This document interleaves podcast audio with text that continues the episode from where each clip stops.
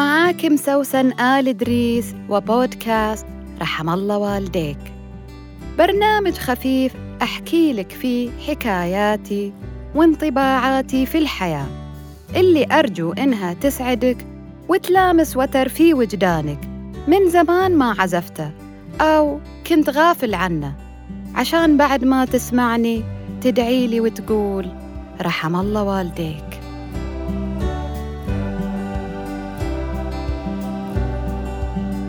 قصتنا اليوم مع الأستاذ حسن مدرس اللغة العربية.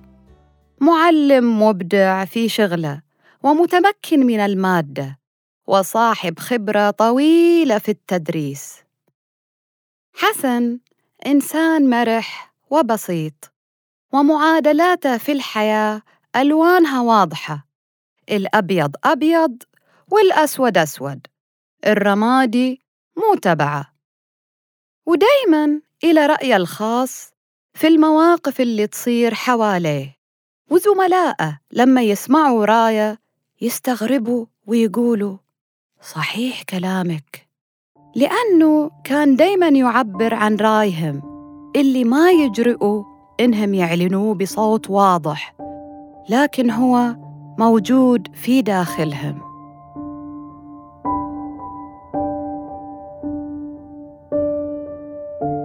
ورغم إنه حسن أستاذ مفوه وصاحب رأي سديد وحكيم إلى أنه في الاجتماعات اللي كان يعقدها المدير معاهم ياخذ دور الأطرش في الزفة لدرجة إن مديره يفكره غير مبالي وإنه ما راح ينفذ القوانين الماشية على الجميع. حسن إنسان مسالم. وينفذ اللي ينطلب منه ودايما يقول إن شاء الله. لكن عدم مشاركته ببنت كلمة في الاجتماعات رغم إنه معروف بقدرته على الكلام تخلي المدير يرتاب فيه شوية. عشان كده المدير مرة قال له ما سمعنا صوتك يا أستاذ حسن. حسن عادته إنه يلتزم الصمت في الاجتماعات أو أي مكان ما يحب يبدي فيه راية. لكن إذا نبرته ما بيقول غير اللي حاس فيه. عشان كده هو يفضل الصمت. عشان ما يوجع راسه. فحسن قال للمدير أمام جميع الزملاء بصوت واضح ورصين لو كانت جميع النغمات متاحة للعزف كنت بتسمع صوتي. لكن معروف يا أستاذنا الفاضل إنه في اجتماعاتنا إنه ما في غير نغمة واحدة مكررة إلا سيادتكم تطرب ليها فمنت محتاج تسمعها مني. أنا بنفذ المطلوب بدون تعليق.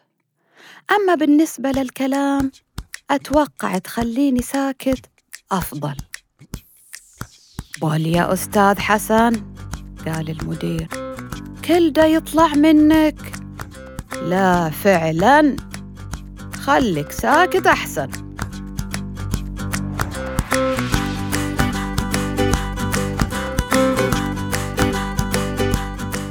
الاجتماع خلص. وطبعا بعد ما يخلص الاجتماع يجوا الزملاء عد حسن ويلومونه. ليش قلت كده؟ الحين المدير بيحطك في باله. رد عليهم حسن. يحطني في باله ليش؟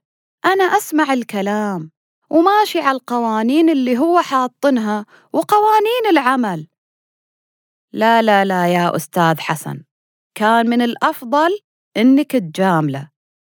أو تقول على الأقل إنه ما عندك تعليق طالع في عيونهم حسن وقال أفضل لمن؟ سكتوا اللي حواليه يفكروا في سؤاله صحيح أفضل لمن؟ إذا هو أستاذ حسن مو هام منه إنه يكون محط إعجاب المدير فإحنا ليش نهتم؟ وده فعلا اللي قاعد يصير. يا كثر المجاملات والتطبيلات اللي في بيئة العمل والتقرب والتزلف مو بس للمدير حتى بين الزملاء أنفسهم. لغايات تافهة ما أنزل الله بها من سلطان. عشان لما أطلب منه شي ما يضايقني. عشان لما يجي انتداب ما يختارني. ومن هالخدمات الفالصو اللي الاحتمال الأكبر إنهم ما يحصلوا عليها. وإحنا نقعد نشوه روحنا وأنفسنا عشان يمكن نحصل عليها. وعلى فكرة في ناس تتملق وتجامل لأنه بكل بساطة أصبح طبع فيها. حتى أصلاً هم ما يبغوا خدمات. وده اللي يخلي الواحد يخسر جزء من نفسه وتفرده ويصير كلامه ما له طعم أصلاً.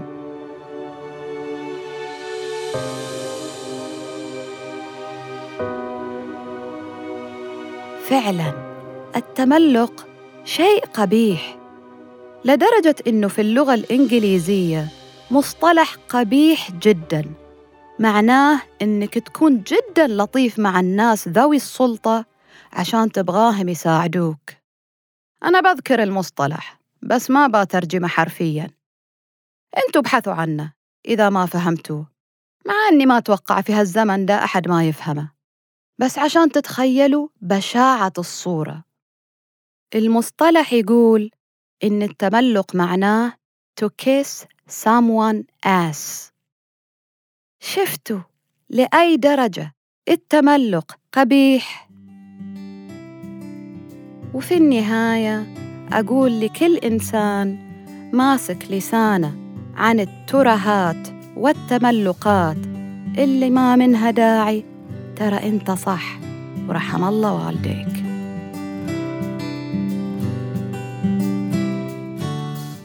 كنت معاك أنا سوسن آل إدريس. لا تنسى تشارك الحلقة مع اللي حواليك وتتابعني على حساباتي في ال social media واللي حطيتها لك في وصف الحلقة.